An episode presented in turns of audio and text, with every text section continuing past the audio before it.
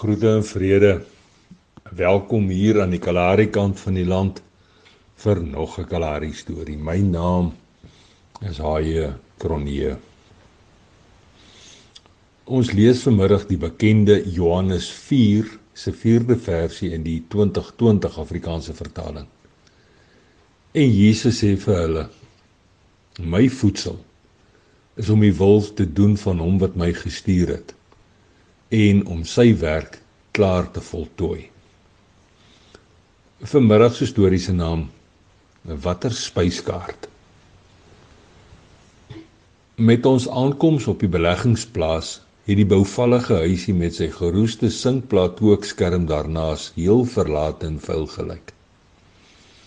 Ons was die laatmiddag iewers in die diep Kalahari gewees, want die buurplaas se mense het gesê dat hier laaste week mense aangekom het. Marielaas. Nie ek of die mooiste mooi het met al ons geklop en geroep enigsins iets gehoor of gesien of geruik nie. En net die Kalahari se stilte en verlate alleenheid het oral oor swaar in die hang. Ek het sommer kortom en ongenooid by die lendelam kookskerm ingedraai terwyl die mooiste mooi amper terug by die genade waar was.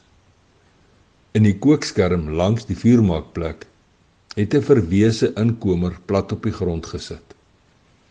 Sy groet skrikkerig met sagte woorde en hongerige oë terwyl sy haar net vel en been arms al stywer om haar knoppige opgetrekte knie vou. En net daar sommer net daar in haar lendelam geroeste sinkplaat kookskerm begin ons eerste oorstaanse gesels. Aanvanklik het ons haar uitgevra oor haar en haar mense se gistergoeders en waar hulle almal vandaan kom. Haar praat hieroor was maar min. Miskien omrede die hongersnood in haar woordeskat net so groot is soos die hongerte in haar maag. Nodeloos om te sê, het ons oor ander dinge begin gesels. Eers sommer net oor die wind en die weer as ook gevoete en en penskrypers.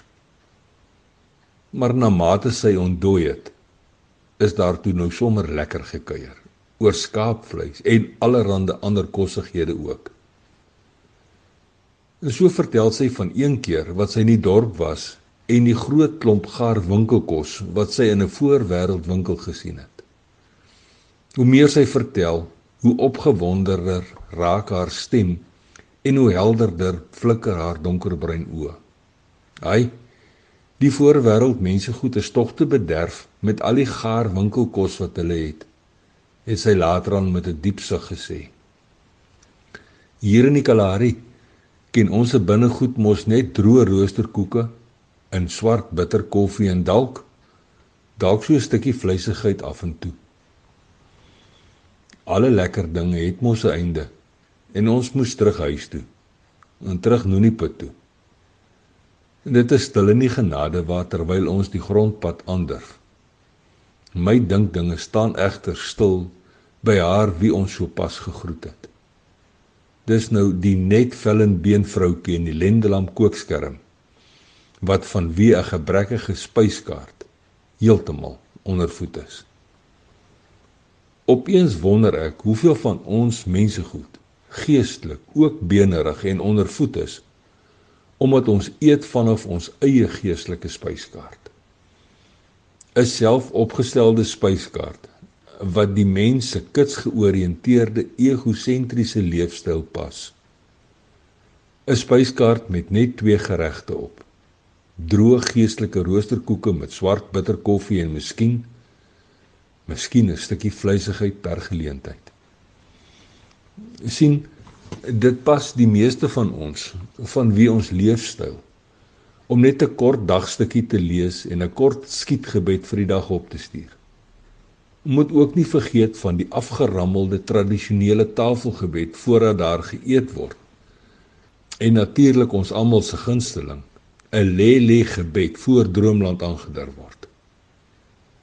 Asof dit nie genoeg is nie word daar ook konstante druk op gelowiges geplaas om nie meer deel van die plaaslike gemeente of die gestruktureerde kerk te wees nie. Hiervoor word Sandkorrel baie redes en hulle is almal goed geformuleer, voorgehou en aangebied. Hierdie en soortgelyke gedragspatrone is maklik die gunsteling geregte op ons geestelike spyskaart en ons betaal reeds 'n prys daarvoor. God se kerelkind gee egter 'n ander perspektief op 'n geestelike spyskaart. By geleentheid het Jesus vir sy disippels beduie dat daar op God die Vader se geestelike spyskaart slegs twee geregte verskyn. Die eerste is om die wil van sy Vader te doen en die tweede om sy werk klaar te maak. Net dit en niks meer nie. Geen geskrewe reëls, geen wette, geen voorskrifte of regulasies nie. Nee, net die wil van sy Vader en die vasberadenheid om sy werk klaar te maak. Dis al. Nuniput lê iewers in die verte. Die mooiste mooi moet nog net die laaste moedbreek hek agter ons toemaak. En dan wag die laaste stukkie grondpad. En terwyl sy dapper en vasberade die hek deur die lossand trek, besef ek dat ek en jy ook voor 'n moedbreek hek staan. Ons moet kies van watter spyskaart ons wil eet. God die Vader se spyskaart of ons eie. En ek wonder Ek wonder hoe ons as mense goed ooit die wil van Vader sal ontdek om dit met vasberadenheid te doen wat ons moet doen as ons nie kwaliteit tyd saam met hom spandeer nie.